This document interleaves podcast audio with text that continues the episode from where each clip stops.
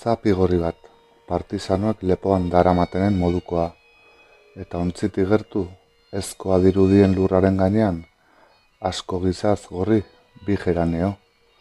Han agoi, doilor eta dotorezia ez katoliko sendoz, hildako arrotzen artean zailkatua. Gramtziren errautzak ala aurreratu nauk. Alako itxaropen eta fede zahar batez, ala beharrez heldua, lur seatu honetara, ire hiobira, jende libre hauen artean geratu den ire espirituaren aurrera. Agian bestelako zerbait da, sorgortuagoa eta palagoa, sexuzko eta ariozko simbiosi nerabe ordia, eta herri honetatik ire eten nahiak atxedenik ezagutu ez zuen honetatik utz egite gisa ikusten diat. Hemen, iobi bareon artean, zergatik gure zori urdurian, izurintuan horririk gorenak hilinduten egun haietan. Ona hemen, ororen lekuko, oraindik edatu gabeko dominio zaharraren hasi, hildako hauek lotuak gaitzestea eta handitasuna mendeekin galtzen duten zerbaiti. Eta hauekin batera temati ingudeen hotz itoa, moteldua, nahi gabetua, auzo sumetik heltzen amaieraren lekukotza emateko.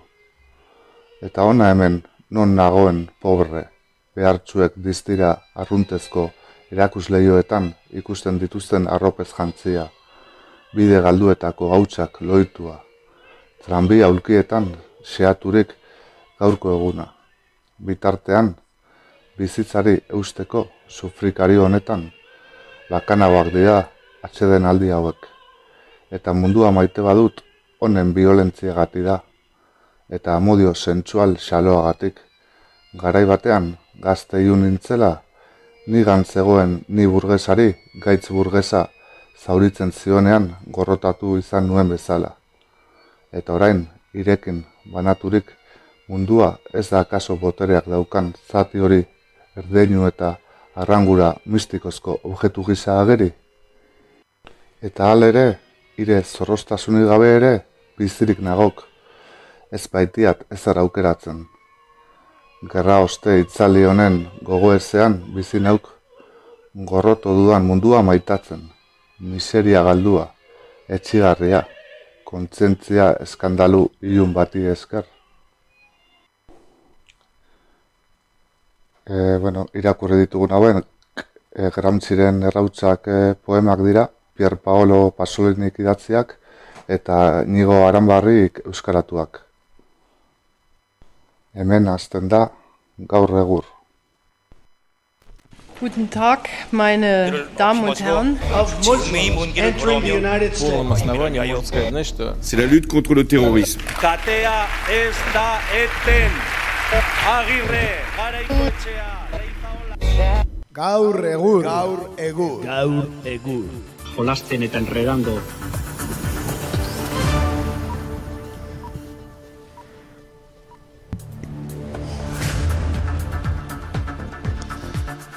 Arratxaldeon.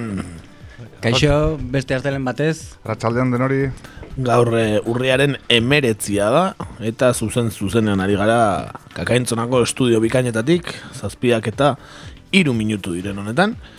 Puntuala sigea gaur, eh? bai, beti bezala. Bai, bai, batzuetan puntualago. Bai, Rusiar puntualidadea da gu, gu karakterizitza, karakterizatzen gaituen. bai beti, beti puntual, batzutan puntualago. Eh?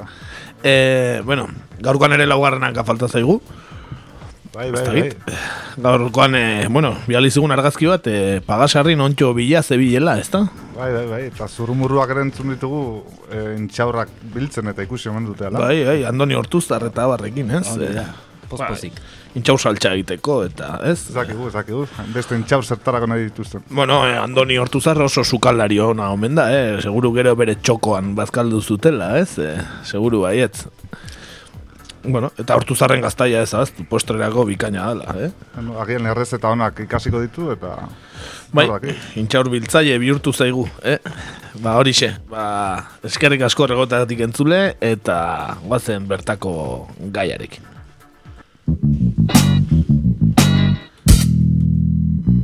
Bertangal.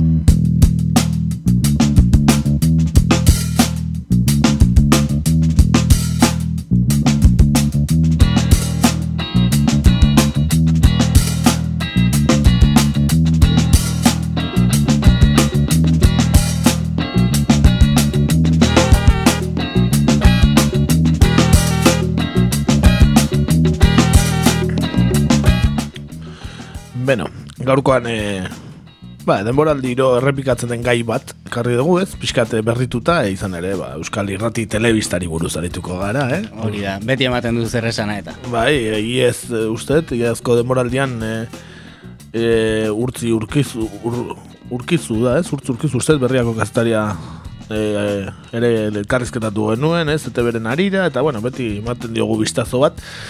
Eta azken agunotan, ba, berrien arabera, Andoni aldekoa dela torre, Bilbotarrak, ba, maite iturberen ordez, ba, jardungo doa, da, ITB-ko zuzendari itzan, edo buruztagitzan, e, ba, egungo zuzendari nagusiaren zazpi urteko lidergoari amaiera emanez, ezta? E, aldekoak, nola ez, EAJ-dako afiliatua denak, kazetaria eta esperientzia politiko handikoa da, eh? eta Eusko Jaularitzako bikideen babesa jaso du, ezta? EAJ-arena eta eta alderdi sozialistarena, ezta? Eta bikaina, eh? EAJ-ko afiliatua izatea derrigorrezkoa, dirudien ez eite beren zuzendaritzan egoteko. E, e, zer esan daiteke zuzendari berria, Euskal Telebistako zuzendari berria izan daiteke alde, aldekoa jaunari buruz? Bai, e, ba, tira, lehendik esan oraindik ez dela ez, zuzendari berria, naiz eta parlamentuko tramitea pasatzea besterik ez zaion geratzen, ez? Eta jakinda, ba, gobernu osatzen duten bikidek e, gehiengo absolutua dutela, ba, tramite hutsa besterik ez da. Beraz, e, bueno, esan bingen zupiria bozera maileak e, formalki eraman duela proposamena ez, gobernu kontseiura, eta hautaketaren arrazoi ez galdetuta, ba, esan du urkulluk egindako proposamena dela, eta egokia eta ona dela e, iruditu zaiela bai proposamena, bai pertsona, ez? E, bai EAJ-tik eta bai PS-tik. Izan ere, egingo zituen merituak, ezta? E, postu horretarako inigo urkulluk e, gomendatzeko, ezta? Noski, osea, osea, gomendio oso potoloa, ezta? Ba, inigo urkulluk ez du edozen gomendatzen, Hori da, ezta? hori da. Eh? Jainkoaren behatza bezala da, eh? urkullurena, eh? zuzentzen zaionari, ba... Jak, hor txokatu zaizu. Hori da. Da, bueno, ba, gobernutik koikoa den bezala, ba, bere esperientzia zabala ez ez intzegin digute, e, baina oposiziotik e, aldiz galdetzen dute aldekoa jauna ean noren aldekoa ote den, ez? E, erretorikoki galdetzen duten oski jakin bai bat dakigu erantzuna.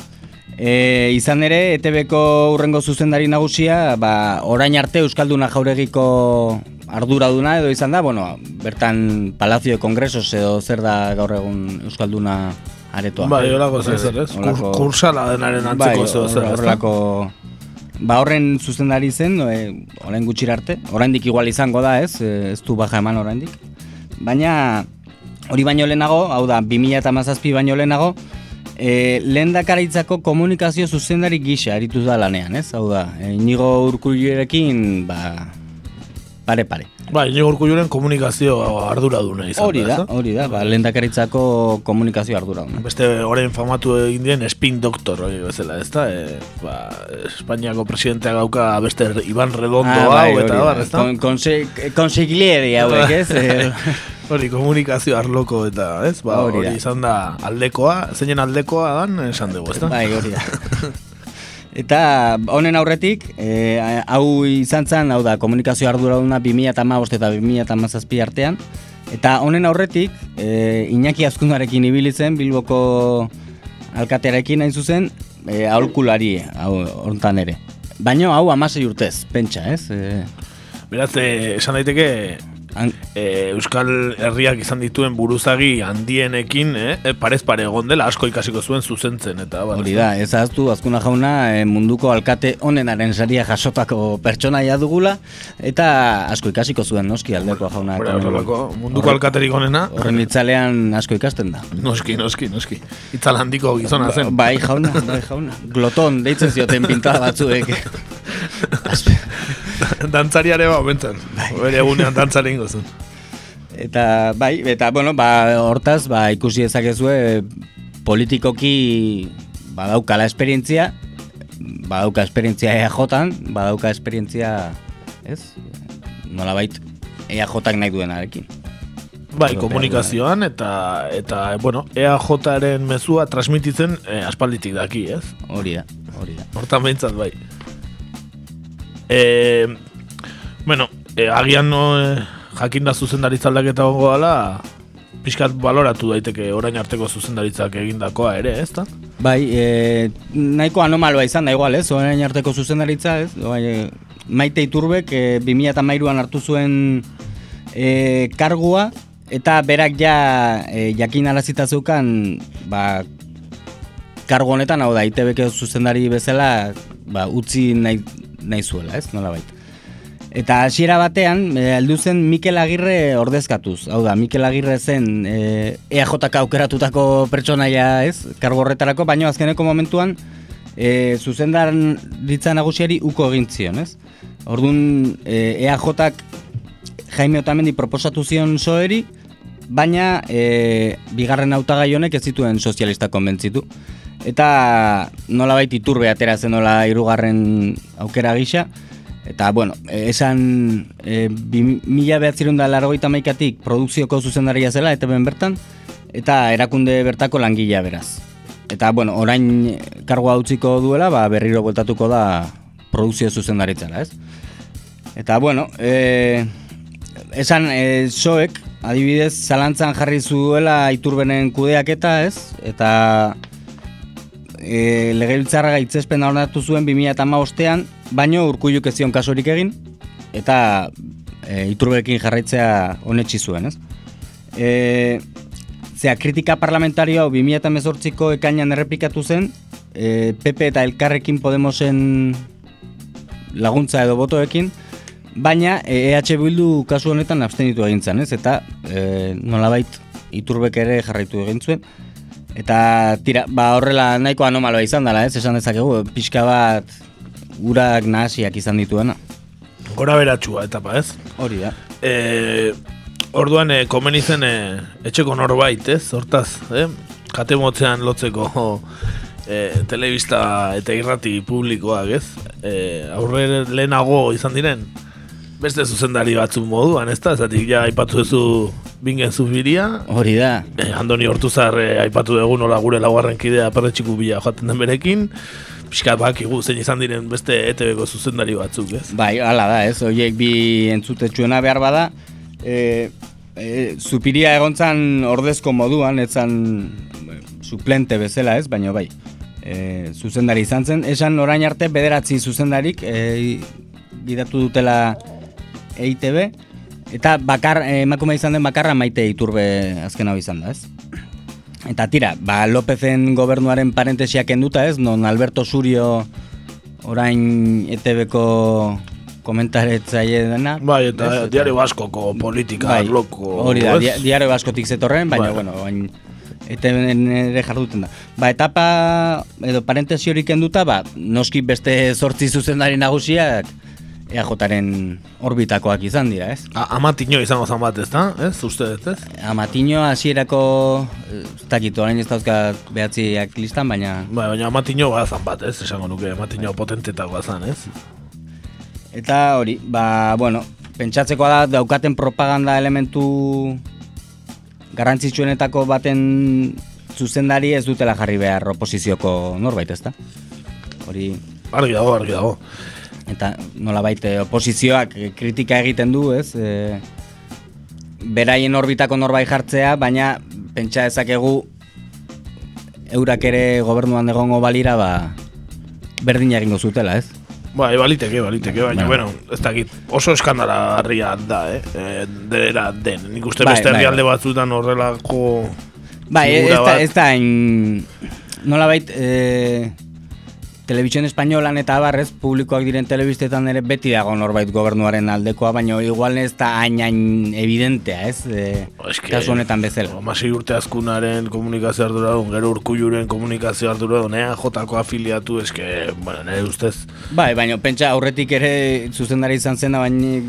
Alderdiko burua, alderdiko burua, da, ez? Eta ze burua, eh? bai, bai. bai. Eta, ba, horrela, ez? E, betiko moduan jarraitzen duela den. Baina beste herri balde batzutan ez, ez dakit. beti jartzen da BBC, ez, e, ja. bezala. Bai, bai, baina BBC da hori. Ba, excepzioa. Excepzioa, ez hori da, eta orain ere txikitu nahi dute gainera, ez? Bai, baina, bueno, Benetan, nahi bintzat, eh, iruditzen zait, evidente egia, jendea ez pixkat gehiago asaldatzeko, ez? Jakin da gaina, ze herramienta potentea dan Euskal Telebista eta ze ondo datorke honea jotari hauteskundez hauteskunde irabazteko, eh? Hori da. Baina ohitu egiten gara horrera hor gauza horietara ere bai, ez? Nola bai. Eta orduan kritikak entzun dira oposizioan, baino ez hainbeste edo. Ba, bueno, e, oposizioak kritikak egin ditu, baina Zubiria bote, bozera maileak e, EITB-ko zuzendari izan zenak, lehen esan dugun moduan, ba, esan du oposizioarekin ez dela debate honetan sartuko eta euren buruak parlamentuan ikusiko dituztela, non majoria absolutua duten eta e, kasurik ere ez dieten egingo, no? Bai, ez da bai da gatuko dute agian, ez, eh, pixkat, baina Hori da, pixe, baina, bueno, titular batzuk guzteko, hori da. eta ben emango ez dituzten adierazpenak egiteko, ez? Hori da, urkullu agertuko da, et bere eskuarekin, eta eta inor gehiago ez. Eta, ba, ofizialki ba hori ez, e, oposizioan kritikan e, entzun gogor egin dio EAJak, e, nolabait betiko asepsia eta ba, lokatzetara ez sartu nahi horrekin, baino tontakeria izango litzatekelako, ez? Alde batetik ba, zertarako sartu debate batean, no, aldez aurretik irabazita daukazun, ja ez, e, zea hori, Era, irabazita eta erabakita postu Hori erabat kontrolatu nahi dezula. De, debate horretan sartzea, ba, pixka bat, osea, zure buruari e, harria botatzea bezalako litzateke, ez? Baina, baina, badago pertsonai bat EAJ-an, bere iritzia filtrori gabe ematen duena eta bertara jo dugu, ez? E, Ana Sagasti jauna da noski, zein bestela, eta e, nolabait bere blog pertsonalizatuan, ba, asortu no le gusta ando, Andoni aldekoa artikuloa publikatu zigun, eta, bueno, ba, onelako perlitak utzi dizkigu, ez, besteak beste. No lo tiene fácil Aldecoa si se asusta ante estos bocinazos y los que le vendrán de Sortu, Ela y Lab. Tiene que convencerse que quien tiene el poder y no lo ejerce no tiene derecho a quejarse. Y una de las características de los líderes es ser valiente y superar a la falacia y gran mentira de que ETV es Telebachoki, cuando en realidad actual lo que funciona es Telesortu.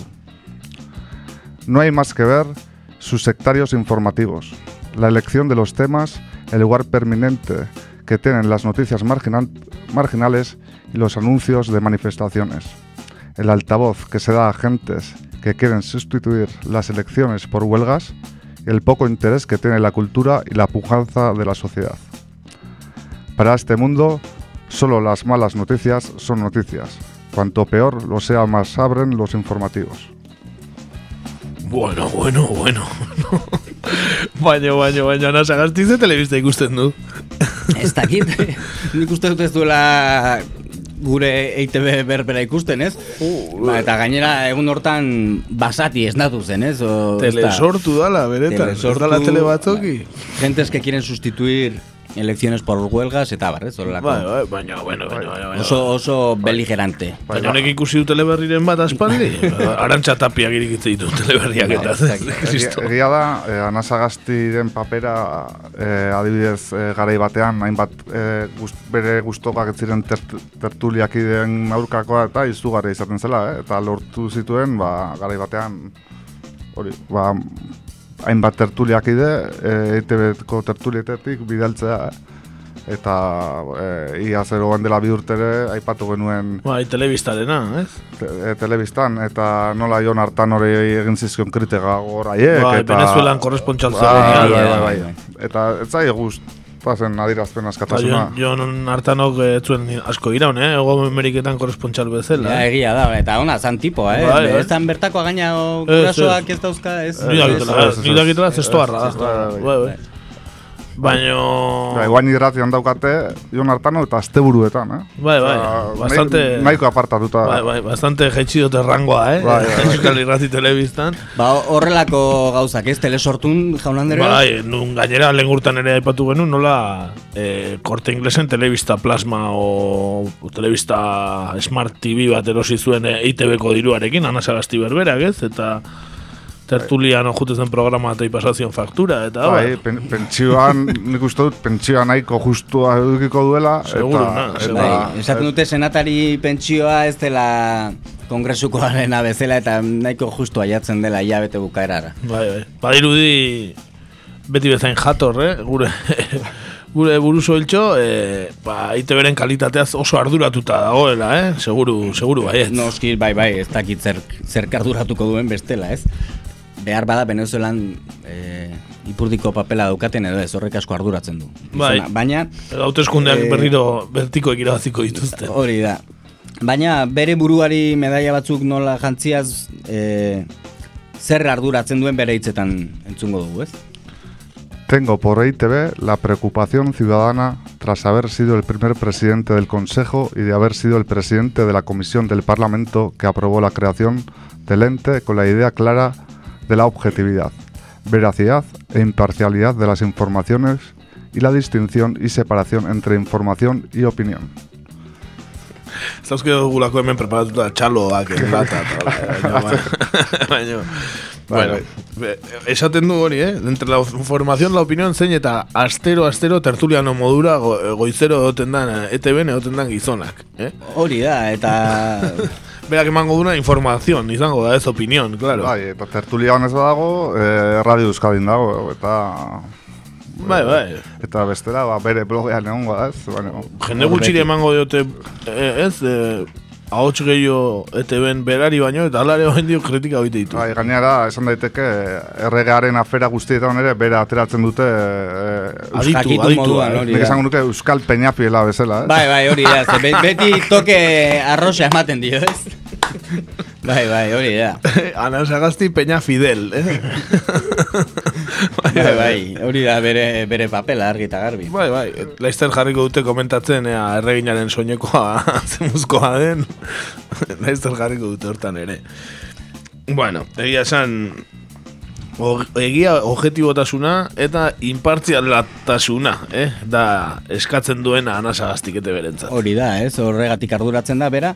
Eta, bueno, ba, egia objektibitate eta inpartzialtasun hau frogatzeko, ba, YouTubeen bilaketa random eta azkar bat egin dugu, hortuzar be, besterik gabe jarrita eta ETB-ko lehenengo bideoa zein den ba ikustera, ez? Eta hau, hau agertu zegu, beste batzuen artean. cierto que cuando alguien tiene eh, eh, tanta responsabilidad detrás, un partido tan grande, con tanta influencia, pues eh, entre dar entrevistas, eh, reuniones, eh, viajes, etcétera, etcétera, pues no queda mucho tiempo libre, ¿no? Y yo creo que eso la gente también tiene que valorarlo a la hora de hacer un juicio sobre los, los personajes que están dando la cara en nombre de los partidos o de las instituciones. De alguna manera, alguna vez tendrían que pararse y, y pensar eso también, ¿no? El coste personal que tiene asumir esas responsabilidades.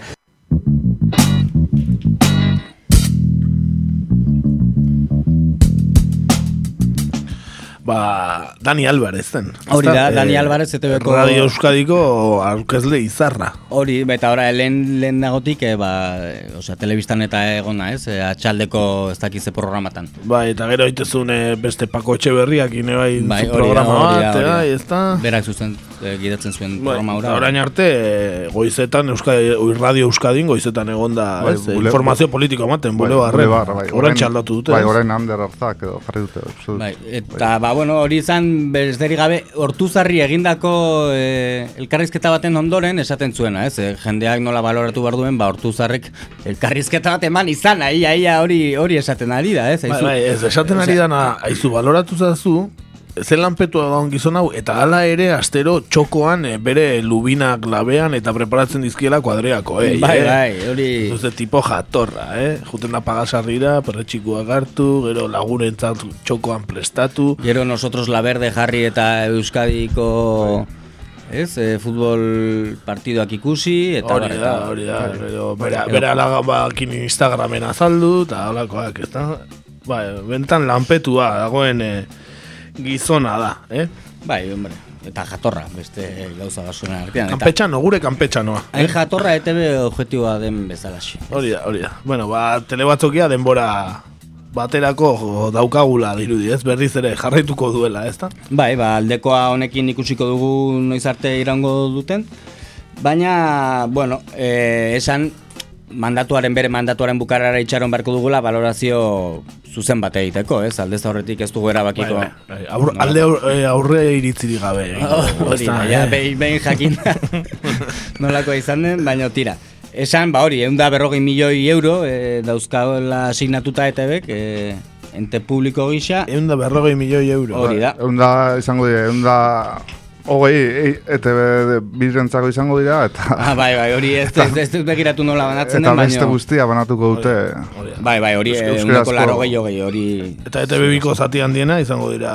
Eh, Konkiz, hori da, hori da, eh, zehara joatea, Ego Ameriketara joatea Eta Basko- ikurriña altxatzera. eta, eta Baskos por el mundo. E, izugarrizko saio berritzailea. Bai, bai, Bai, bai. bai, bai. Askoz por el mundo, esaten dutela igual, ongi etorri a Helsinki, ez da Helsinkira esaten ez dira kapazak. Gizu, bakarrik el ongi etorri, el aita, Eta- la ama... Eta, esan nahi dut, beste kate batzuetan, orain dela hogei urte botatzen hasi ziren formato badela, ez? Ez dakit, eh, hori balin bada eskintzeko daukatena, ba, ez Bai, dakit, ez. eus, euspañoles en el mundo, ez, aspaldikoa. Eta horrela, xe, ba hori da orain ETB-ko gaur eguna, ez? Eta ikusiko dugu. Ja, irrikitan gaude, aldekoa jauna honen lehenengo hilabetean nola Bai, ez joaten den ikusteko. Ez dauke itxuraik gauzak asko aldatuko direnik, ez? Ez, aldaketarako margen gutxi edukiko duela pentsatzen dut eta gogo ere gutxi, ez? Bai, A- adibide bat jartzearen, e, ondan astean, e, Euskadi Irratian elkarrizkatu, elkarrizketatu zuten oraingo e, osasun zailburu berria, eh? eta euskeraz egin ahal izan zioten elkarrizketa. Berriko, berrikuntza. Bai. E, esan zuten lehenengo, Lehenengo osasun sailburua sailburua zela euskeraz, euskeraz egiten zuena, eta Bai, bat azkuna izan zen, lehen aipotako sailburu eta horietako Bai, bat. eta, eta barkatu, eta ez dut inor kriki- kritikatuko alegin egite gaitik, baina e, oso maila askaseko elkarrizketa izan zen, bere euskera maila gaitik, eh? ez beste zer gaitik. Eta hori xe. Ez, et- Bueno, eta askotan kejatzen dira, ba, e, eusko jaurlaritzak eta ba, ez diela elkarrizketarik ematen, eta gutxiago euskeraz, eta ikusten badugu azken urteetan batez ere informatiboak ere e, nola bideratzen ari diren, e, o goizetako tertulia programak, ja, euneko laro gehiago idea ematen Madrideko berriak ematen nahi die, ez? E, ganea, nahiko era, ezakit, e, nola esan, e, Hola, erdi ridikuloan utzi, zezela, bitu ze gertatzen ari Madriden, ez eta hemengo gauzaik ez du, ez du ematen, ez? ez Egoratzen naiz, e, lehen hau bentzet, e, hemengo berriek eta bastante ematen zituzela, eta legebiltzarren pasatzen zena, eta bestea, bueno, gero ez da gutxigo, gaina, eh? bai, eta bukatuko du gaina e, informatiboak e, arantza tapia aurkezten bukatuko ditu, ez? Ja, hainbeste ia ia aurkezle baino gehiago ateatzen da. Bai, bai, eh, hori, vamos, tapia telebista, ez da? Hori da. Bai, bai, tapia telebista izango da. Leturia falta, igual, eh? baina, baina tapia telebista, bai.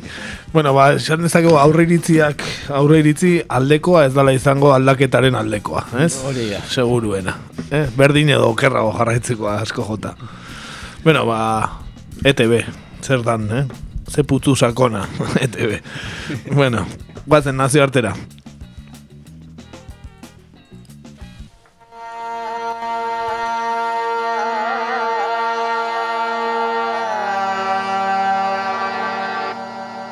Nazioartean gaur.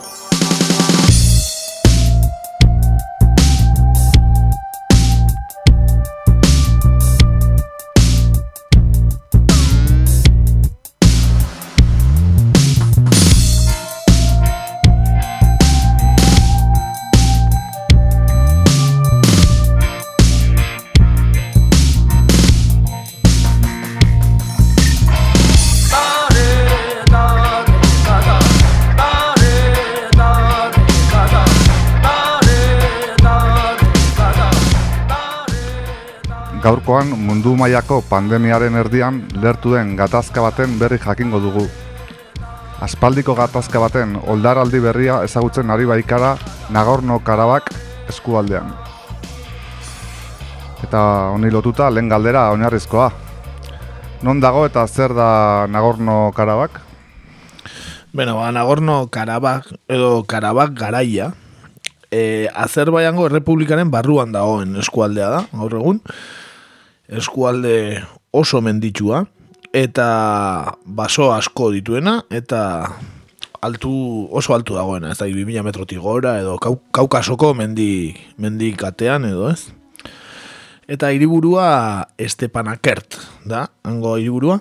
E, eskualdearen zati handiena e, Karabak garaiko errepublikaren eskuetan dago. Eta esan behar da errepublika hau e, de facto independientea dela, baino ez daukala inungo onarpenik nazio artean.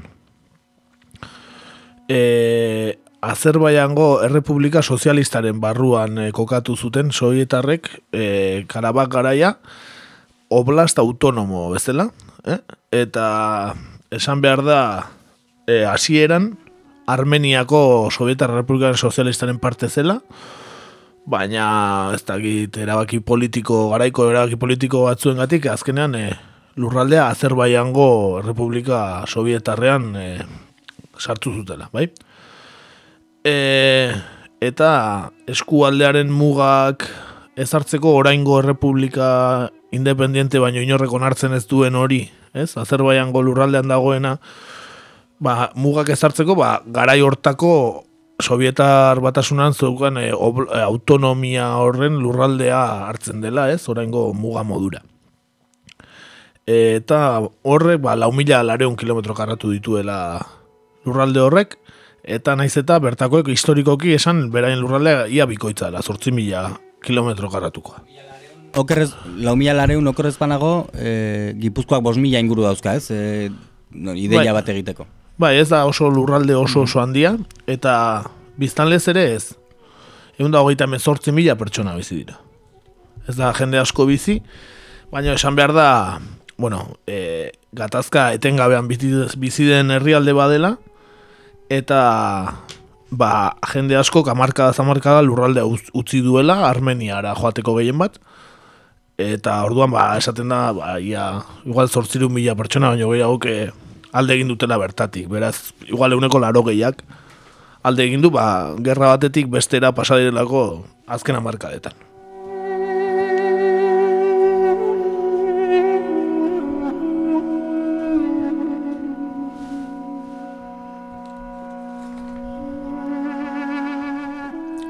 Zein da hortaz ba gatazkaren oinarria?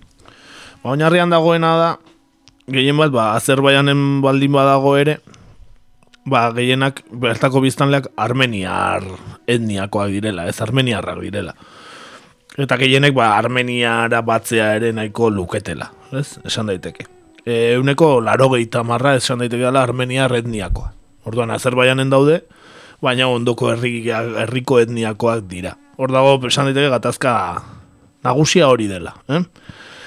E, hori, ba, armeniarikin batzea amesten dute askok, eta lurralde armeniar bezala kontsideratzen dute, bai armeniarrek, bai bertakoek, e, karabak garaia, ez. Beraiek deitzen dute, Artxajeko Errepublika. E, karabak ematen diote izena Azerbaianekoek eta bueno, Errusiarrek ere bai bere egunean, Nagorno Karabaj horregatik da Nagorno da garaia Errusiera zere uste dorako hitz badala, baina Armeniarrek eta bertakoek hartzak deitzen diote. Eta esan bezala aldarrikatu zuen independentzia mila behatzerun da laro sortzen. Baina gero gerra, gerra gogor bat izan zuten laro gehieta amalaur arte.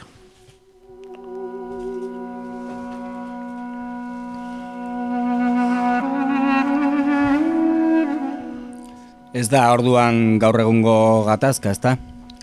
Ez, esan bezala inondik inora, ez. E, esan daiteke Sovietar batasunaren desagerpenak ekarritako lehen gatazka nazionala izan zela. E, Karabajekoa.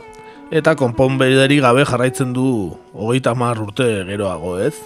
E, Karabajaraiko gatazka zari garela, ba, gehiengo Armeniarra duen eskualde esan dugu dela, Azerbaiango errepublikatik independentzia aldarrikatu zuena, eh? mila atzen da laro gehieta sortzian.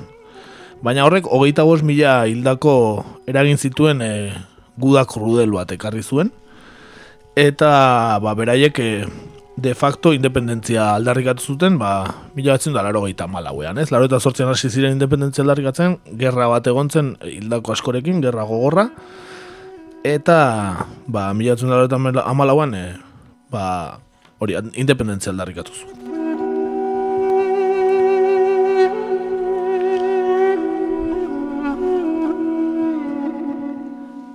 Eh, e, ala ere, atzerago begiratu ezkero, esan behar da, imperio desberdinen menpe egondako eskualde badala, ez da, ba, otomandarrak egon dira, persak egon dira, errusiarrak egon dira, eta ez lehen esan dugun bezala, ba, mila batzen da mazazpiko sovietar iraultzaren ondoren, ba, autonomo, autonomia gisa, e, geratu zen hasieran Armeniaren barruan, eta ondoren Azerbaianen barruan.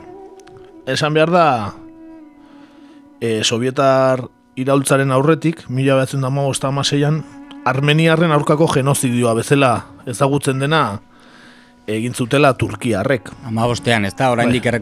errekonozitzen ez dutena, bestalde. Hori da, hori da. Eta esan behar da, Azerbaianak, Azeriak, esate zaienak, Turkia retniakoak direla. Orduan, e, esan dezakegu, e, mila batzen da iraultzaren ondoren, geratu zirela, e, beraien aurkako genozidioa egin zutenen eskuetan edo edo estatuan, ez? Edo Republika Sovietarrean, ez? E, Azerbaiangoan. Beraz, ba, pentsatu ezakegu bezala, gatazka gordutikan ere, ja, hor datoz, ez? E, onartzen ez dute, baina genozidio bezala Turkiarre genozidio bat egin zuten Armeniaren kontra. Bai, bai, sekulako sarraskia, milioi bat hildakotik gora, ez, okeraz banago. Eta Azerbaian ez bada Turkia ere, etnia berekoak direla.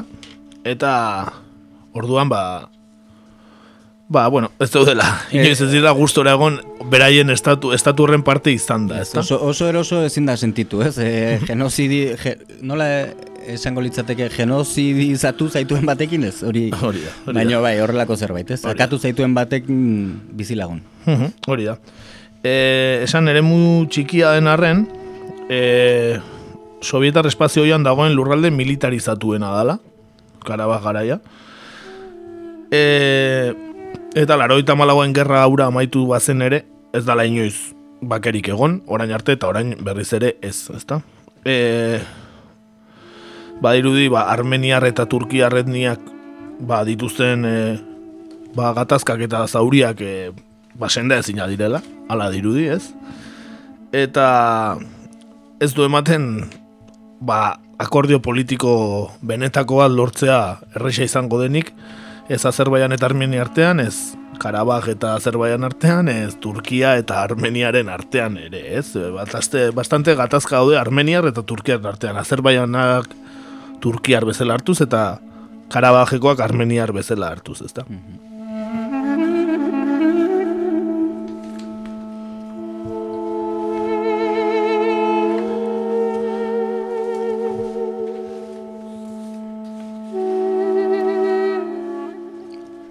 Beraz, geopolitikak ere badu bere papera hemen, ezta? Gainera kaukaso hori bidegurutze bada, ez? Itxaso beltz eta gorriaren artean, eta hortxe juntatzen dira besteak beste, Errusia, Turkia eta Iranekin mugak, ez? Bai, hori da.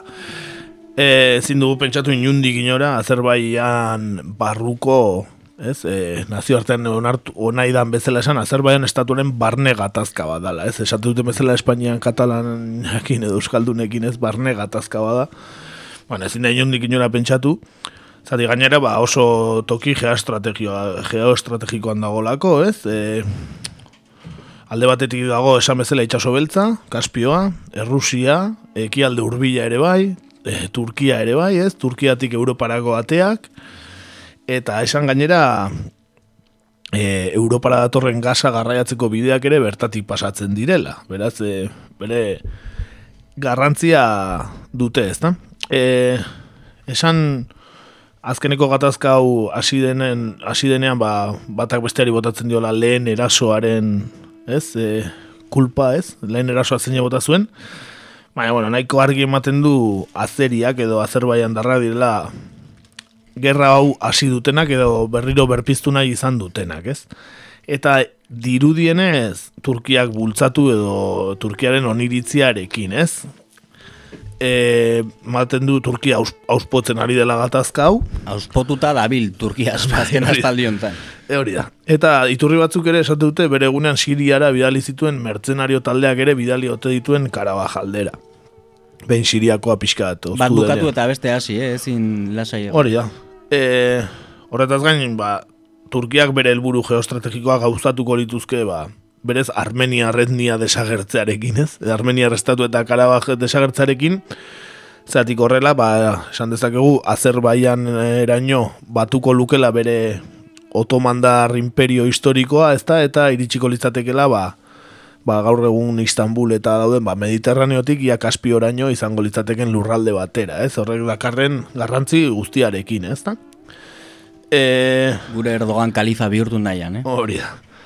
Hori da, ez da, ba, historiara pasatu nahi du, otomandar imperioa berrera ikizuen e, buruzagi modura, ez, Erdoganek alamaten du, e, eta itzuli dela, ba, amasei garren mendeko islamizazio eta turkizazio prozesu hortara ez, inguruan, ingurune guztian ez.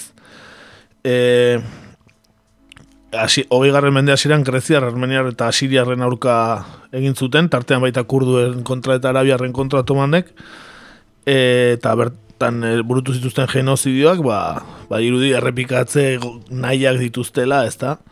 Ez da behar Turkiak Sirian izan duen papela, ez? Azken garaietan, ez da e, Libiako gobernuari laguntza militarra bidaltzen diola gaur egun, ez da? Edo nola ikusi genuen koso bon ere, hauteskunde garaietan kanpainan, ez? E, ba, bazirudien bea, bera zala aurkezten zena Kosovoko hauteskundetara, ez? Bai, esan behar da, han diru asko sartzen ari dela Ardogan, e, Balkanetako ingurune horretan, e, Albania, Kosovo, Bosnia, Herzegovina, eta gara, nola garai batean Otomar Imperioa izan zen nahi du berriz ere eragina, ez? Eraman, ez? Nahi du Lehen aipatu zuna, bain Armeniarekin eta egiten ari dena, ba, beste lurralde zati horrekin ere bere ganatu, bai, ez? Alde guztitara zabaldu. Eta izugarrizko enbertsioak egiten ari da, han, eh, adibidez, eh, gehienak arlo kulturalean eta religiosoan, ez? Baina, ba, mezkitak eraberritu, auzoetan, voilà, eh, kultura arloko gauzak sustatu, baina dena, eh, eh, hori, islamizazio eta turk eh, otomanizazio prozesu batean. Eh? Kolonizazio kulturalaren bai, baina, hori, le, azkenean. Bai, baina lehenagotik ere ba, nola bazituen eh, errai batzuk, ba... Bai, eh, ba, religioa bera, eh, islama, eta bar, eta bar. Bai, badirudi, ba, hori, otoman dar imperioa zenaren berrezkuskurapen lanetan dabilela, eta ingurune honetan Karabajen ere ba, badirudi horregatik ari dela ba, beraien etniakoa den e, Azerbaian darrak auspotzen eta militarki laguntzen e, ba, gatazka hau berpiztu eta ea lurralde horrekin egiten diren gehien bat baita Armenia desestabilizatu eta Armeniaren aurkaren noizbait joateko, eh? Bai, bere historikoetako bat, ez? Bai, dudari gabe, Armeniarrena, bai. Eta, bueno, Turkiaz gain Errusiak ere izango du zer esan, ez da? Bai, bai, argi dago, ez? E, Errusiak e, moderatzaile edo papkegile papera hartu du, ez? Kasu honetan, esan daiteke, eh? E, kurioso adin badiru ere. E, bakigu adibidez Putinek Erdoganekin hitz egin duela, e, ikusiko zen dituzten bai sueten, sueten bat aldarrik zuten orain bi eta hori Errusian bildu ziren e, Armeniako atzerri ministroa eta Azerbaiangoa, ez da, Errusiako atzerri ministroarekin batera agertu ziren, da sueten bat aldarrik zuten. Ez zuen e, iraun, bestalde, ez? Ez zuen iraun, baina azte buruntan beste, beste, beste sueten bat itzartu dute.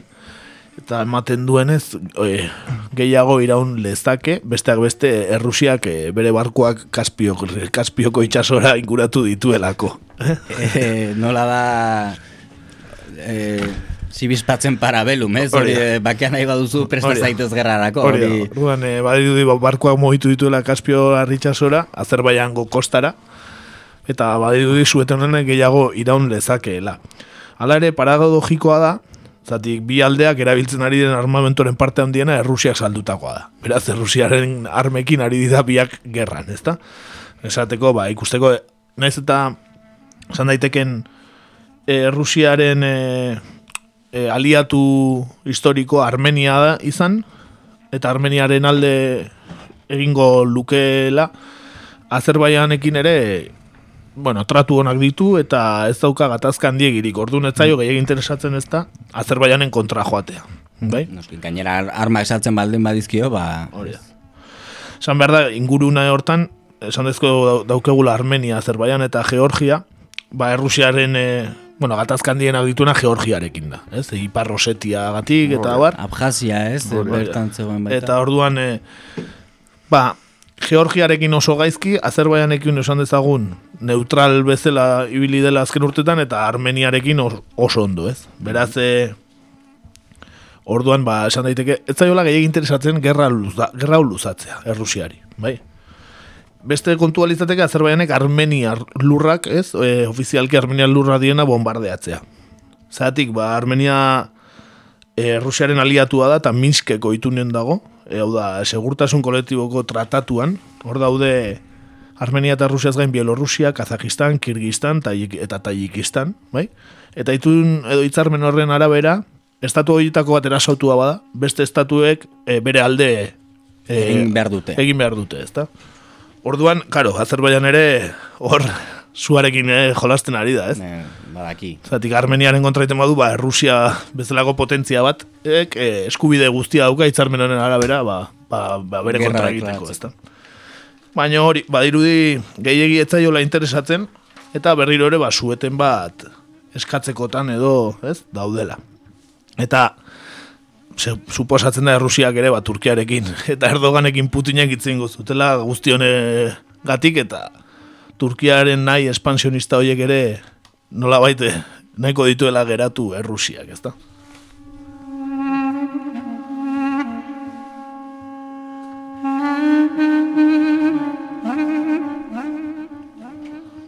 Eta nolakoa da egoera azken egun hauetan? Bueno, ba, sueten bate esan dugu, ez, aldarrikatuztela edo, bueno, oinarrizko sueten bat hitzartu zuten, ez da? baino bi, bi aste besterik ez ditu iraun, eta gainera esan diteke, bueno, suetena izan zela gehiago, iriak eta ez zituztela bombardeatu, ez? Baina frentean, izan esan dezagun, ez? Bien arteko gatazka frente hortan, ez da esan suetenik egon denik. Hala ere, orain berriro bombardeaketak egon ziren, eta esan daiteke zibilak eta bombardeatu dituztela, aste hontan ere bai, Baina berriro suetena esan bezala, badirudi larun bat ontan edo igande ontan suetena berriro berrezarri dela eta ematen duela gehiago iraun dezakeela, ala esaten dute adituek. E, esan adibidez, Estepanakert e, iriburuan e, berroita mar mila pertsona bizizitela eta oso gutxi gatzen dira bertan ja. Ez, gehienak Armenia aldera iesein dutela. Eta hori, irailaren hogeita zazpian hasi zen, ber, berriro gatazka hau, eta irurogeita maoz mila bat barne desplazatu eragin dituela uste da. Osea, ia populazioaren erdia. Bai, bi astetan, eh? Bi astetan, ba, hori, bastante bombardeo, dronekin asko bombardatu dute, eta bar, misil asko. Bai, gaur egungo gerrak, eh, horrelakoak dira, eh? Hainbeste teknologiarekin eta hainbeste... Eh? Gu gauden zulo batean sartu, bezalako batean sartu, eta Hala. Mm -hmm. gaioak jolastera. Hori da. Hala ere, bertako egoera hobeto jakiteko ekarri dugu elkarrizketa zati bat, e, Aitor Txabarri euskal kazetaria handago. Beste euskal kazetari bat eran dago Pablo González, e, naizen eta idazten du, eta, bueno, e, Twitterren eta gomendagarria jarraitza, bertako bideoak eta ematitu, bombardaketenak, eta elkarrizketak, eta argazkiak, eta bar, eta, bueno, interesgarria. Eta Aitor Txabarri ere bai, eta iparraldeko euskal irratiak irratiko kideek, urriaren amabostean elkarrezketatu zuten, e, aitor txabarri eta zati bat entzun dugu, ba, bertatik izketan. Ba, giroa oso zaila, osea, jendia e, etxe azpitan bizitzen, etxetatik ezin atera, bombardaketak egunero, e, e, azkenean, e, esaten dute, bueno, esaten zuten, e, bakarrik bombardatu dituztela e, e, leku militarrak, baina hori gezurra da, leku zibilak ere bombardatu egin dira, baina bi partetatik, ba, nik ikusi dut e, Azerbaianetik iritsi dana, baina Armeniatik ere e, e, etxe zibilak eta eta bar e, herriak bombardatu egin dituzte, hasi que egoera oso oso oso zaila e, gehien bat herritarrentzako. Tepanakerten e, ez dago inor kalean, ezin duzu inork ikusi kalean, gehienak e, liza edo etxe edo hotel azpitan da, dauzkaten aterpetan bizi dira, e, jaten dute iristen zaiena, dana itxia, e, ezin ezer egin, ezin ezer jakin, familia frontean, e, Osea, azkenean ezin da bizi. Mm. Bizi dira, baina ez- ezin dira bizi.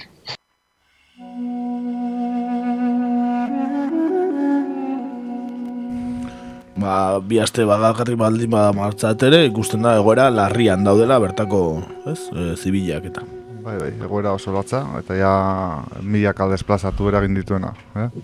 Bai, eta hori gerra modernoa, eh? dronekin eta misilekin, bombardeatuz. Hasiera batean esan ez eh, bakarrik eh, helburu militarrakin bombardeatzen dela, baina bueno, ikusi da ba, zibilak ere pairatu dituztela bomba horiek, eh, era bat, ezta? Bai, gerra modernoa, baino eh, ondorioak aspaldiko, aspaldi bezalakoak. Hori ez da betikoak, hori da. Bai, eta hori, ba, gutxi entzuten dena gatazka, ez? Eta inguruko medioetan bastante hoi hartzun gutxi eta gaina oso informazio e, ba, hori, kontrastatu gabea eta eta oso partidista, ez? Kasu askotan. Baina, bueno, gertutik jarraituko dugu, ea suetenak irauten duen edo ez, edo edo nola bukatzen dena, baina, bueno, zaila ematen du bukatzutzat ematea inoiz, berriz ere berpiztu daitekeen gatazka bada ez delako ikusten akordio batera iritsi daitekeenik, ez da? Zeren, esan bezala, ba, independentzia aldarrikatuta dute, baina Azerbaiango parte dira, baina ezin dira Armeniako parte izatera iritsi horrek ez ditulako nazio artean onartzen, beraz, bueno, e, zaila izango da Armeniarekin batzea, eta Azerbaianetik e, ofizialki irtetzea ere bai. Beraz, bueno, gertutik jarraituko dugun gatazka berriz ere, eh? Hortxe gune geoestrategiko gogorrean. E, abesti bat jarriko dugu bertakoa. E, artxakeko ahotsak izeneko taldea, Voices of Artxak, eta Karabax Chin abestiarekin, ba, bertako musika pixkat, ezagutu dezagun.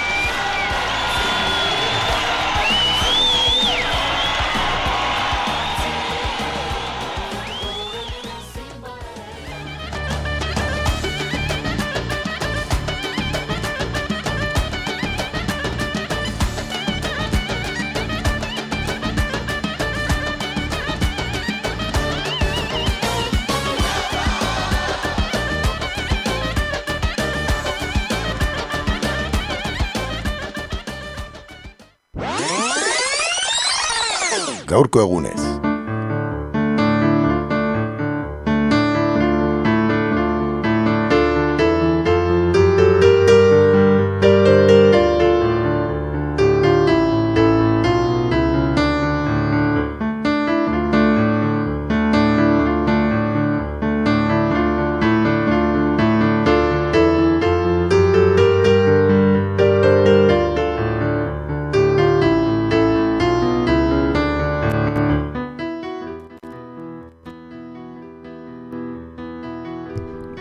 Gaurkoan Italiara joango gara gaurko egunez atalean eta maitatua bezain gorrotatua izan zen Pierpaolo Pasolini gogoraratuko dugu.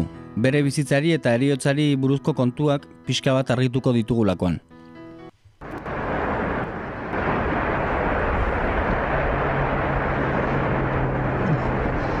Eccoci di fronte alla struttura, alla forma, al profilo di un'altra città, immersa in una specie di grigia luce lagunare perché intorno ci sia una stupenda macchia mediterranea. Si tratta di Sabaudia. Uh, quanto abbiamo riso noi intellettuali sull'architettura del regime, sulle città come Sabaudia. Eppure adesso osservando questa città proviamo la sensazione assolutamente inaspettata. La sua architettura non ha niente di irreale, di ridicolo il passare degli anni ha fatto sì che questa, che, che questa architettura di carattere eh, littorio assuma un carattere, eh, diciamo così, tra metafisico e realistico. Metafisico in un senso veramente europeo della parola, se ricordo mettiamo l'architettura metafisica di De Chirico. È realistico perché, eh, anche vista da lontano, si sente che le città sono fatte, come si dice un po' retoricamente, a misura d'uomo. Si sente che dentro ci sono delle famiglie costituite in modo regolare, delle persone umane, degli esseri viventi eh, completi, interi, pieni nella loro umiltà. Hortxe, Pier Paolo Pasolini, eh? e, bere diskursoak eraikitzen ez, italieraz ez dugu den den ulertzen, baina bueno, pixkat ulertzen da. Bai, bere oiko kritikekin, eh? bere eh? Giz, gizar, italiar gizarteari egiten zizkion kritika zorotzekin. Mm -hmm. eh? Bueno, hasi gaitezen, hasi nortzen Pier Paolo Pasolini? Ba, e, Pier Paolo Pasolini e, Bolonian jaio zen, mila bedatzen da goita biko martxoaren bostean, eta e, italiar zinema zuzendari, olerkari, idazle eta e, beste hainbat alorretan jardun zuen intelektuala izan zen. Naiz eta bera idazle soil bezala e, kontsideratzen zen. Eta lan oparo egin zuen arlo guzti horietan, eta berak kaleko bizitzatik hurbil agertuz eta realismo gordin bat erakutsiz ba, eh, erakusten zituen eguneroko gaiak, ez? Ba, sexualitate gaiak eta beste hainbat gauza eskutatu gabe, ez? Eta e, mila bederatzen da berogeita bederatzean e, bere sorterritik, e, friuletik erromara joan ziren, eta gero erroma inguruan zedon giro zakarra deskribatzeko ospea ekarri zion adibidez bere lan mardul batek ez. E, ragatzi dibita eleberria eta hor hasi zen bere fama edo bera ezagun egiten ez.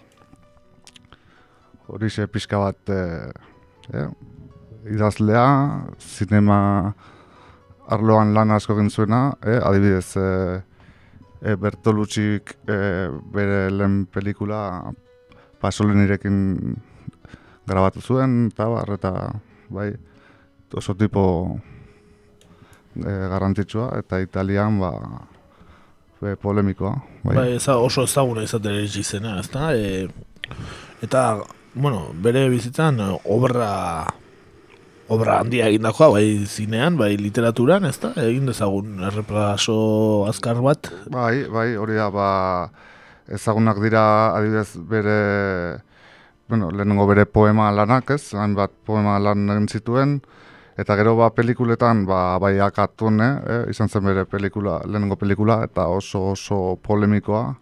Gero Mama Roma, La Rabia eta eh, Il Padre Selvaio, bezalako pelikulak, eh, Edipo Rei, eta bueno, denak eh, erabiltzen zituen gaiak oso polemikoak ziren, ez? Eta garai hartan, ba, Italian, ba, eskandalu handia eragin zuten gaiak ziren, ez? Herrialde oso katolikoa, ez? Hori da, eh, eh, gerra osteko garai hortan, eh, demokrazia kristianak eta Vatikanoak eh, ba, agintzen zuten Italia horretan, ba, bai, eskandali, eskandaligarria izan zen ez.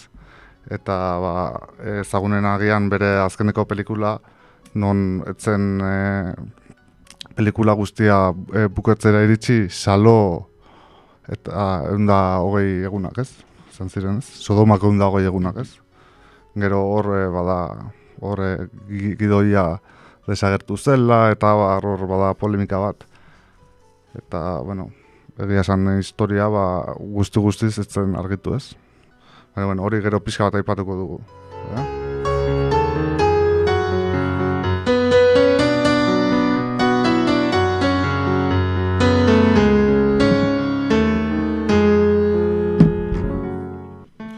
Beno, e, bere obraregatik ezaguna, baina baita bere ideologiagatik edo bere, ez, e, lerratze politikoagatik, hasieran e, alderdi komunista, ez, PCI, Italiako alderdi komunistako kide, kide ospetsua, eta ondoren e, alderdi hori gogor kritikatzera pasazena, ez, e, pixkat e, bere pentsamendua laburtzea ez da erresa, baina errepaso bat egin dezakegu.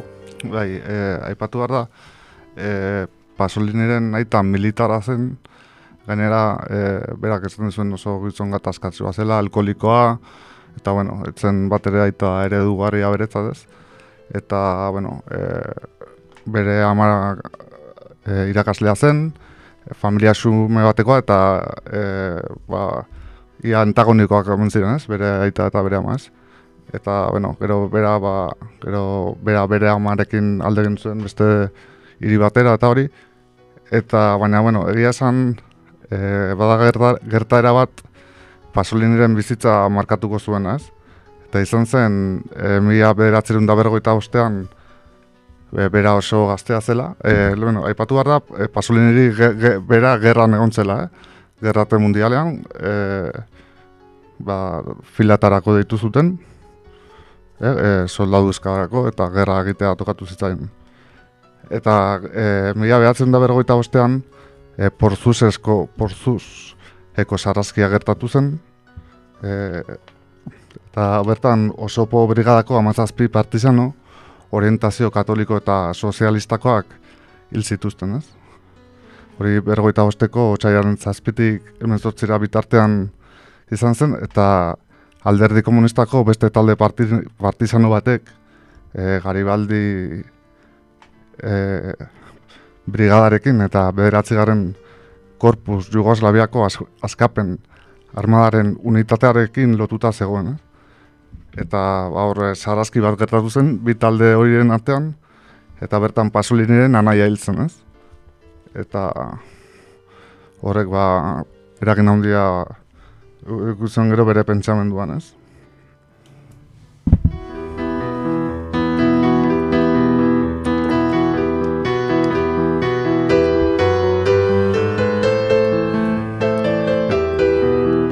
Hori ez, e, e, gertara horretan, hori izan zen Italia eta lehenago Jugoslavia zenaren mugan gertatu zen, gertara hori, eta esan dugu bezala, e, bi talde partizanoen artean gertatu zen, batzuk italiarak eta besteak e, Jugoslaviarak, eta han zegoela guido ez, e, pasuliniren anaia ez, eta oso kolpe gogorra izan zen beretzat, baina e, handi gutxira e, Pasolini alderdi komunistan e, afiliatu zen, ez? Baina e, hori beti kritika eta e, e, bera nahiarekiko nostalgia handiarekin, ez? Bai, beti bai, komunista, baina alderdi komunista ere kin oso kritikoa, ez? Bai, oso kritikoa izan zen. E, pues, adibidez, e, e, ja, bergoita margaren amarkada maieran, e, irurogei garren amarkada ziren, e, sinatu zen hitzarmen historikoa, kompromiso historiko delakoa, Italian e, Italiako bi alderdi handien artean, ez, e, demokrazia kristiana eta Italiako alderdi komunistaren artean, ba, izan zen gerra osteko ituna handi bat bezala, ez? Eta, ba, adibidez, e, horren oso kontrakoa izan zen, ez? Alderdi komunista asko kritikatu zuen, ba, beste intelektual asko bezala, ez? Eta, gero sortu ziren hortikan e, potere operario eta brigadet rose eta beste hainbat taldez. Eta ondoren pasolinik ere horiek ere gogor kritikatu zituen, eh? Esan bara dago ez. Eta adibidez, e, zagit, ba, e, irugaita sortziko gatazketan, e, izai, italiako irugaita sortzia egun batean ekarriko dugu onera, oso oso gogorra izan zen, ez? E, bueno, frantziakoarekin ez daukat zer ikusirik, ez? Eta ba, bertan, bertan unibertsitatean eta hasi ziren gatazkei buruz, adibidez, berak zera esan zuen, ez? E, Irugaita sortziak burgez gazte horien e, burgez gazte deitzen zen unibertsitateko ikasgoi eta esaten zuen beak poliziaren alde egiten zuela, ez? Gatazka horietan. Adibidez, ez? Adik, e, obreroak, olangileak poliziak zirela, ez? Ez, eta eh, burguesak ikasleak, ez? Ikasleak, ez? Eta, bueno, horrelako polemikak eta egiten zituen batzutan, ez? Denborak arrazoia emango dio azkenean, eh? Baina... Bueno, Frantziaren kasuan, kasuan bai. Hori, hori, hori. ez dakit, eh, e, Italiakoan ez dakit. Mexikoan gutxiago baino. No, bai, ez, horrelako polemikaetan, ba, nahiko e, oia izaten ez? Eta, bueno, e, gero e, Italiar e, garaiko gizartearen aurka egiten zuen ba, batik bat, ez pasolinik ez, eta adibidez e, bere itzak dira ba, bere burua irentzten duen gizateriaren eta ikusle ergelen salaketa egiten du, eta olako gauza ez. Eta deno gaude arriskuan, esaten du, pasolini ba, e, beak esaten du modernitatearen oso kritikoa zen, e, homologazioarena, e, e, gero Eliza e, eta fasismoa e, gogor kritikatu zituen, ez? Batez ere e, Pio Amabigarrenak e, ez? Pio Amabigarrena egindako reformak eta, eh? Joria kontzilio bigarren na, reforma horien eta aurka, ez? Eta eta okerena da, beak esaten zuen, ez? Bea oso katolikoa zela, baina ez? E, etzaukela ikuspuntu hori, ez? E, Eta hori batez ere e, garaiko elizaren aurka, garaiko e, bari, e, alderdi komunistaren aurka. Ba, alderdi politiko guztien gaurka, ez? Bai, bai boterean zaudenena, bai ez zaudenena. Bai, eta e, etxai asko egiten joan zen, ez? Bere bizitza guztian zehar, ez? Bai, eta ez, adibidez, e, e, bere filmetan ere ikus daiteke, ez? Ba, irugaita marreko amarkadako italian e, gertatzen ari ziren eraldaketak e, azalaratzen saiatzen zen, ez? Eta behak ziren ba, nola garapenaren eta kontsumoaren e, barneratze bat zetorren, ez? E, behak ziren e, fasismoa, baino asko zokeragoa zen, ez? Ba, ba, orain daukagun gizarte ultrakapitalista eredua, ba, berak aurrik usi zuen, ez? Eta telebista, e, garaiko telebista zen bere etxaik handienetakoa, e, ba, hori, esaten zuen horrek homologazio kulturala ere egiten zuela eta e, fasismoaren edo lizaren e, nagusitasunak e, urratu ere egin zuen izakiaren geruzei ere egiten diela, ez, esaten zuen, ez? Osa, elizak eta fasismoak e, amestu ez dutena, bat, telebistak eta... Telebistaren bidez lortzen zutela, ez da? Hori da, kutxoka, da. Mm eta hori xe, e, e, bere alderdi polemikoetako batzuk ez. Bai. bai, bere ideologiaren zati bat, ez? E, dena aipatzea zaila edo iezinezko izango litzateke atalot batetan, ez? Bai, gero e, ba, eukizituen baita salaketa batzuk eta e, bueno, e, polemiko izan zen e, apaiz batek salatu zuen, bera, e, gana, bueno, apaiza ezaguna zen demokrazia kristianakoa zen, eta barrez, baina e, mutiko bat e, konfesatzera joan omen zitzaion esaten ba pasolinirekin oheratu zela. Eta hori zugarrizko eskandola izan zen Eta, karo, e, bere aurka joan ziren, ba, imaginatu ez, demokrazia kristianak aporreztatzen zuen alderdi komunistaren aurka egiteko, Pasolini alderdi komunistakoa zelako, eta azkenean e, alderdi komunistatik kanpo ere geratu zen, eta, e, bueno, e, gero esaten zen dena bere aurkako kanpaina bat izan zela, ez? Baina, bueno, azkenen e, lortu zuten pixka bat e, bera Ez Bera aldentzea edo. Hori da. Ez que norbait lokatzetan sartu nahi baduzu beti kanpaina sexual oldarkor bat beti da honena, beti, ez? Hori. Bai, bai, eta eta esango nuke italiar politika Bai, bai, oso Inu baino gehiago erabiltzen den, ez? E, taktika dala gainera. Bai, eta ja, guan gero ikusiko dugu bere eriotzan ere, ba, gauza ilunak.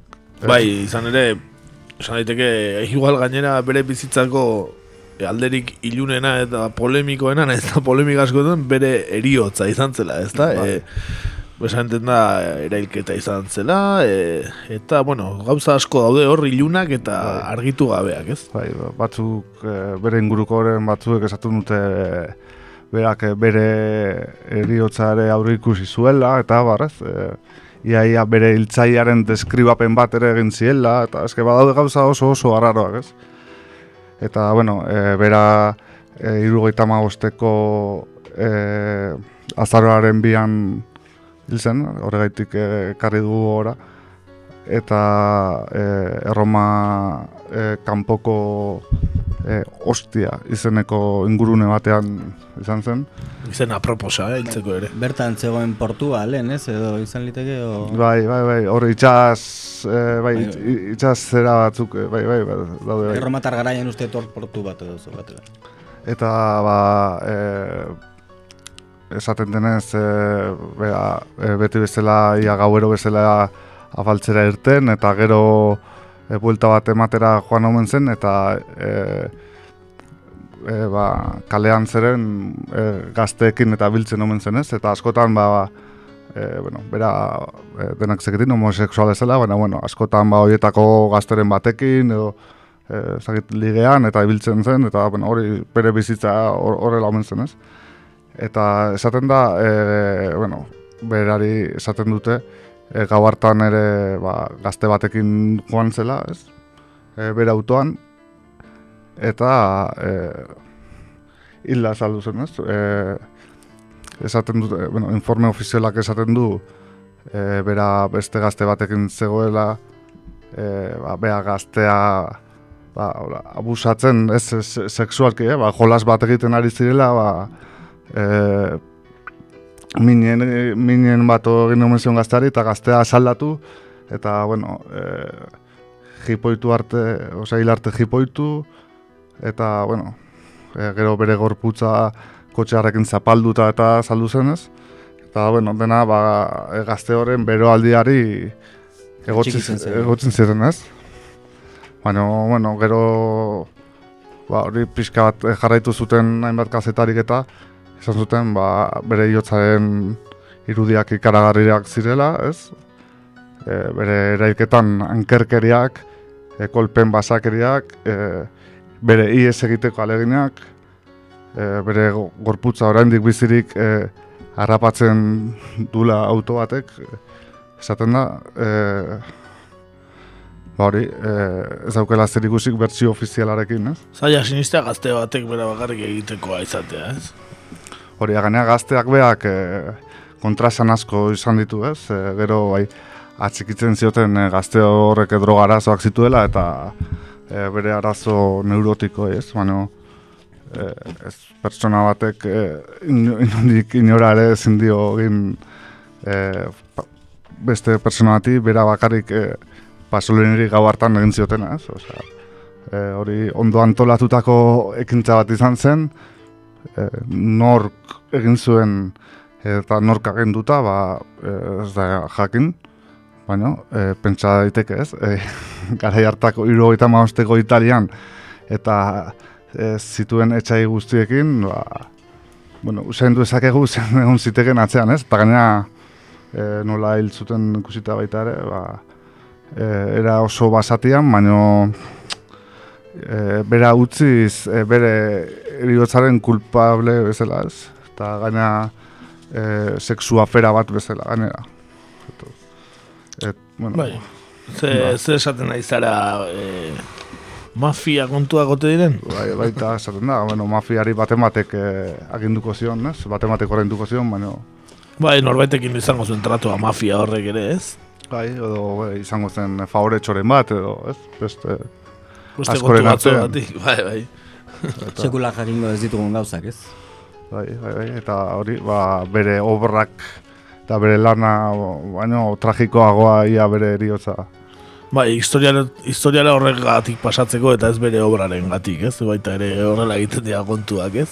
Aipatu dezulen bai, e, pelikula bat filmatzen ari zela, gara hortan, ez da? Eta eh, gidoia desagertu ote zen, eta... Bai, salo eta sodomako da hogei egunak.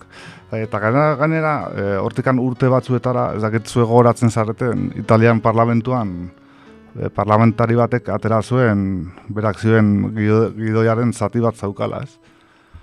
Eta e, hor egun batzuetan eta eskataloa sortu zen, eta berriz ere gainera ikerketa ere iriki, iriki, iriki, ireki zuten, baina, bueno, e, kontua hor gerta, geratu zen ez, e, azkenen e, parlamentari horrek e, gidoia nundikan zaukan, eta hori dena, ba, etzen, etzen argitu ez, baina, bueno, Ez zen Pasoliniren laguna zalako, ez? Ez hori zegoen da. gidoia horregatik. Oso, oso italiarra ez, historia guztia bai. Bai, bai. Bai, era bat, era bat italiarra. Beno, ba, Pier Paolo Pasolini gogorarazi dugu, eh? Zinema handia. Eta... Idazlea, beraz, Idazlea, idazlea, bai. idazlea ere bai, baina, bueno. Ezagunagoa agian, Bai, bai, bai. zinema Zine- gile zinemagile bezala, bai.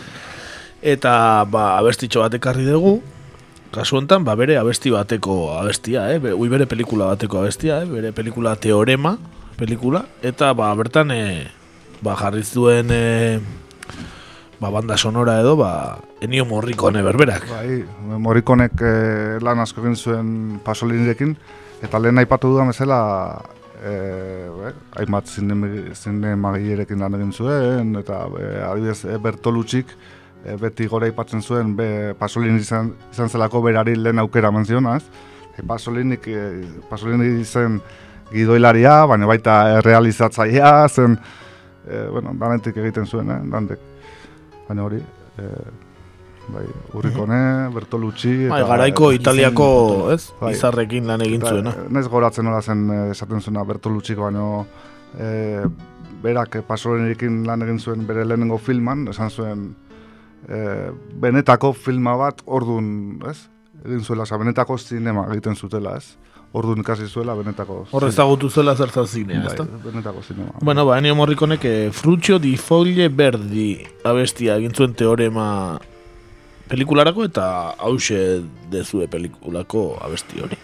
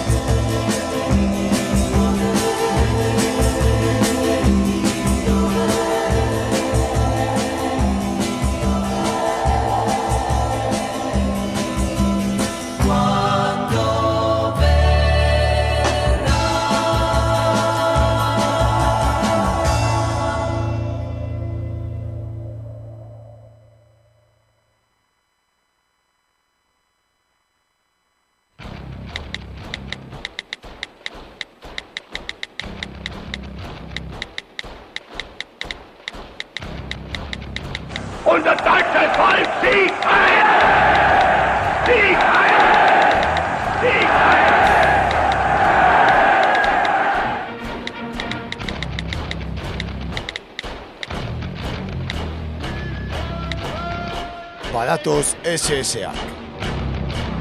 Sare sozialetan egur.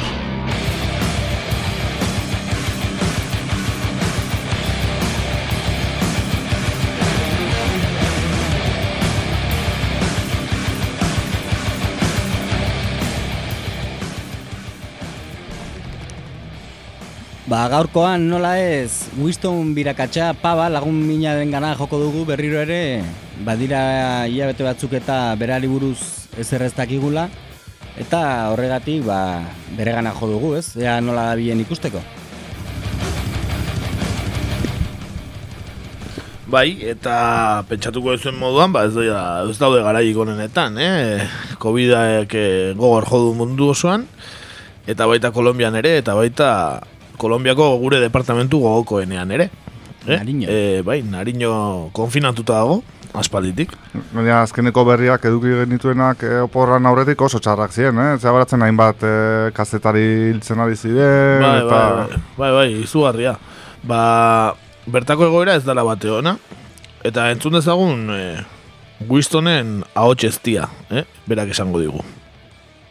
Y en virtud del aumento de casos de COVID-19 en Pasto, la ciudad está en toque de queda. Winston Viracachapava tiene más información al respecto. Winston, muy buenas noches. Buenas noches. Se cumplen a esta hora 7 de las 36 horas del toque de queda decretado por la alcaldía de Pasto ante la crítica situación por los casos de coronavirus. Independientemente de la reapertura gradual de la economía local en Pasto, lo que más le preocupa a las autoridades de salud es la continua remisión de pacientes del 95% de los municipios de Nariño y personas en grave estado de salud del Putumayo.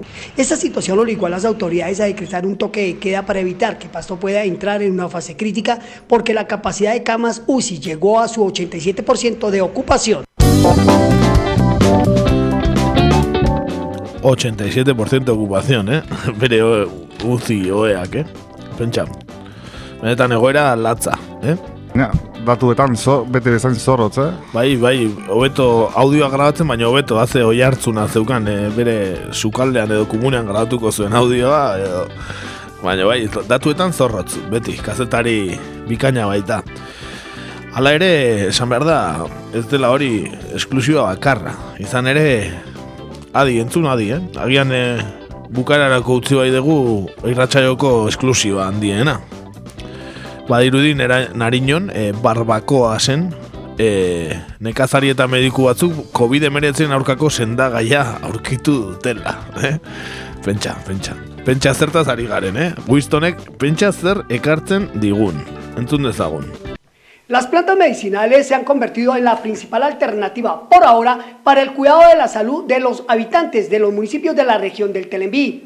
En Barbacoas hace 19 días que se está utilizando el interferón y esto ha disminuido hasta en un 95% la remisión de pacientes de coronavirus a otros hospitales de Pasto y Tumaco.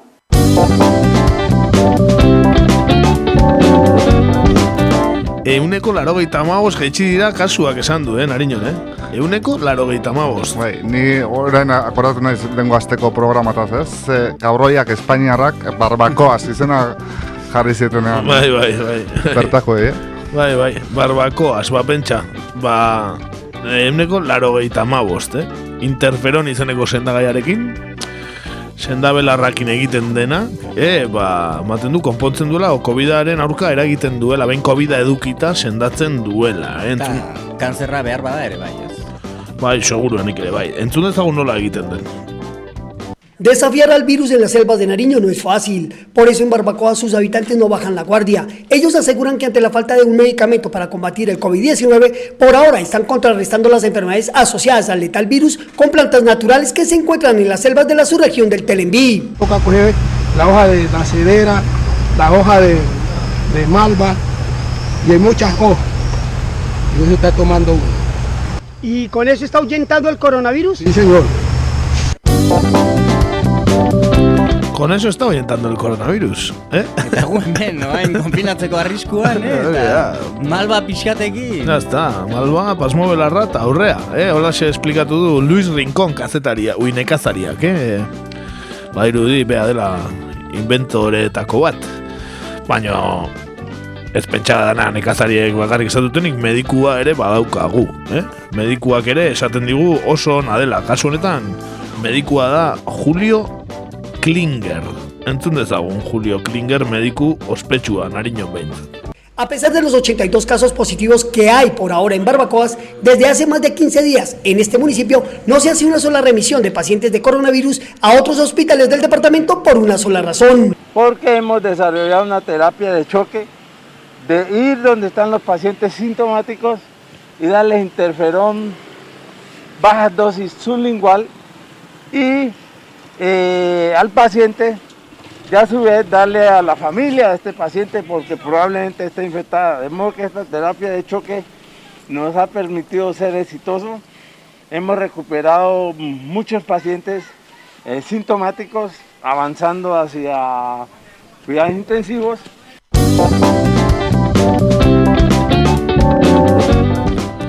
Ojo, eh? Hortxe, eh? Informazio bikaina, eh? Julio Klingerrek esaten du, eh? Hori, tanton batzuk, ez? Eh, mingaina azpian, sublingual. Hori da. Eh? Itz teknikoa, ez? Medikoa dela feria Argi geratzeko, eta interferonarekin, eh, ba hori, eh, jendea pastora hiriburura ospitalera bidali beharrean, bertan sendatzen ari direla interferonarekin, alaxe dio Julio Klingerrek, eh? Benetan, beste esplikazio bat ere ematen digu, entzun dezagun. Julio Klinger, médico internista barbacoano que incumple más de 40 años utilizando el interferón, defiende este medicamento natural y asegura. En barbacoa siendo exitoso, eh, bastante fuerte, en 4 o 5 días redujimos las remisiones de este centro de salud que eran de 20 a 25 pacientes diarios a cero. En Pasto, Winston Viracachapaba, Noticias RPTV. Hortxe, eh? Entzun dugu, eh? Hortxe entzun dugu, eh? Benetan, bikain, eh? E, berrogei urte dara matzela interferon erabiltzen medikuak esan du, eh? Ojo, ojo, eh? Eta orain koronavirusa ere, bueno, ahuyentatzen du, bintzat, sendatu ez dakit, baina ahuyentando esan du, lehen. Garrantzitsua hori da, oientar, ez? Hori. Bueno, ba, barkatu entzule, e, primizia handiena bukararako entzun degula, eh? Proban jarri dugu, ea, bukararaino irratxak entzuten duzuen edo, ez? Baina, badakizue, joan medikuaren gana eta eskatu interferona, eh? Zuen dosia eskuragarri edukiko zue osakidetzako edozein puntutan. Bai, hori da. San, e, bueno, ba, komunikabide guztiak deika izango ditugula orain, ez? E, jakiteko gehiago interferonari buruz. Eta, bueno, gu lehenengo kakaintzonako zientzia departamentuarekin ikertuko dugu ea funtzionatzen duen edo ez, bakizu baina e, bos pilula egin dituela ez, e, pentsatu ez sinistu zientzia departamentuak, berarekin konprobatuko dugu ea benetan funtzionatzen duen, eta alaba da, ba, agian e, komertzializatu eta kakaintzonak e, orain e, diruz urri gabiltza irratian, eta agian badauka horre, eh? diru iturri bikain bat interferona salduz, eh? Bai, prezio bai. honean, beti prezio honean, eh? Baina, Bai, guk eh, esklusibak hartuko ditugu, elkarrizketen esklusibak eta... hori da, bai, Winston ekarriko dugu behingo zonea, eh? Ordaintzeko bidaia eukiko dugu interferona salduz, eh? Naiz, nahikoa. Lehen entzun dugu, baina agur bat eh, bidali dugu Winston entzun dezagun. En Pasto, Winston Viracachapaba, Noticias RPTV. hortxe, gure Winston. Ba, hortxe, hortxe. Barbakoasetik. Barbakoasetik, eh? Imaginatu, ba, ba hortxe, zein hor, eh, Osforrekoak, Errusiarrak, bakuna bila, bestea, ez ez. Nariño, nariño. Hortxe non asmatuko zen bakuna eta barbakoa batean haizu, eh? Bai, bai. Justo egin behar ez diren gauza horietako batean. Hori da, barbakoa, barbakoa gehiago, eh? Eta konfinamendu gutxiago. argi dago, argi dago. Ba, hortxe, bai, nariñon, eh? Interferona, eh? Benetan. Eskatuko dugu, eskatuko dugu bote bat, eta gaina lau bostantanekin eh, mingaina azpian balio du, beraz, eh, medikamentu merkea. Ezagututa amar botako ditugu badazpada ere, baina... Bai, bai, eta gero ja, parranda. Ja, taberna girikita, eta interferona salgai, taberna guztietan, iztan trapitxe, ba. Ba, hori xe, hori xe, de, esklusiba handia, Wistonek beti gartzizkigu esklusiba handia, baina gaurkoa ikaragarria, ikaragarria, gara Mundu honetan. Bai, bai, mundu aldatuko du dudari gabe. Ba, hortxe, e, hortxe gaurkoa, eta gauza gutxi gehiago ea usaitzen ditugun pagasagarriko ontxo horiek, urrengoan. Ea etortzen den. Edo bintzat tortu zarren gaztaia, edo zu ez ekartzen duen. Bai, bietako bat. Espero dugu, zeo ze iritsiko dela, eh? Ez dakigu, ez dakigu. Pero ez dago, noiz bete etortzen baldin bada, eh? Pa, beste gustatu zaio Bilbo aldea dirudienez, eh? Pagasarri eta abar. Bai, bai. Hortu zarren txokoa, ez da edo nolako txokoa izango, eh? Lubina horiek, eh? Lubinak eta bisiguak, bai, hor, seguru. Eh, eta ardo onarekin ureztatuta. Argi euki, argi, argi euki. Txampaina teatzen dutenen, eh? Bil, bilboko ura. Eh? bilboko ura. Aletik, aletik egirazten badu, bilboko ura eta dana, eh? Bueno, ba, hori xe. Besarka bat entzule. E, abesti bat jarriko dugu. Garai berrietara ohitzen ari gara gaur egunen, gaur egurren ere, eta e, ez dakit enteratu zaten gure esku dago abesti bat atea duela. E, dupla izeneko talde batekin da itziarri tuñorekin. Orain e, agian e, mundu mailan ezagunena den euskal pertsona izan daiteke itziarri tuño. Dudarik Bere serie, ez, e, La Casa de Papel eta horrekin, ez, e, mundu guztian ezaguna egin da. Bueno, ba, gure esku dago bideoklip ateu duplarekin eta, bueno, musika estilo berrietara egokitutako abestia, dudarik gabe. Garai berrietara egokitzen dena, e, harrituko zaitu duztena, eta gaur egurren jartzea ere harrigarria dena, baina, bueno, aldatzen, aldatu, garaiak aldatzen dira eta gu ere moldatu beharko gea, ezta? Beraz, ba, dupla eta itziartu nekin uste zaituztegu. Eskerrik asko, urrengo aste arte. Ja, aste hona pasa eta goraintzia eh, pagasarri aldera. Hori da, beak esango luke bezala gaiztoak izan, eh? Bea beti hola gurtzen zuen, orain jakizu, pagasarrin da bildienetik zerra esango te duen. Aio, datorren aste arte. Du izan.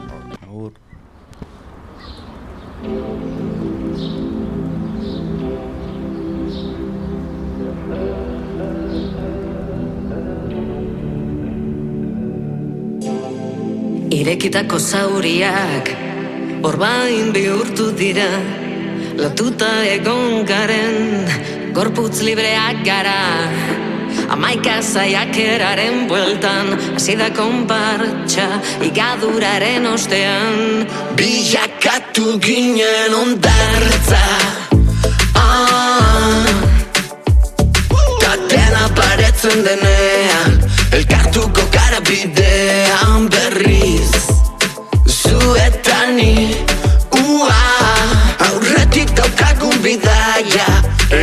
Eraikitzeko garaia baita.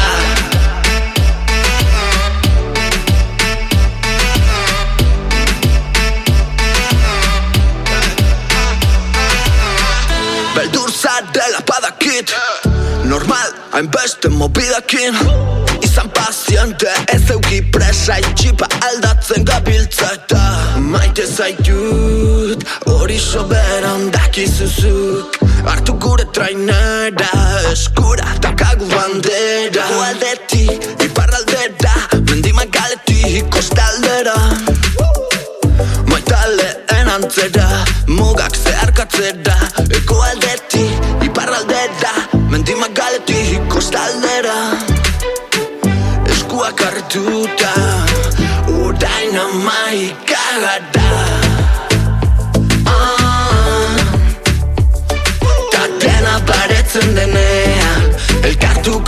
Elkartuko gara bidean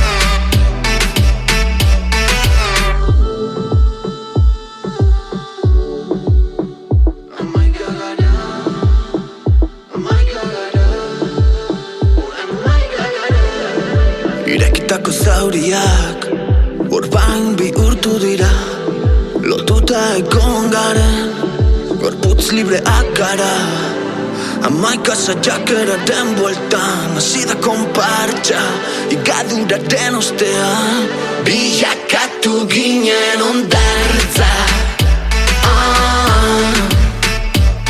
Ta dena baretzen denean Elkartuko gara bidea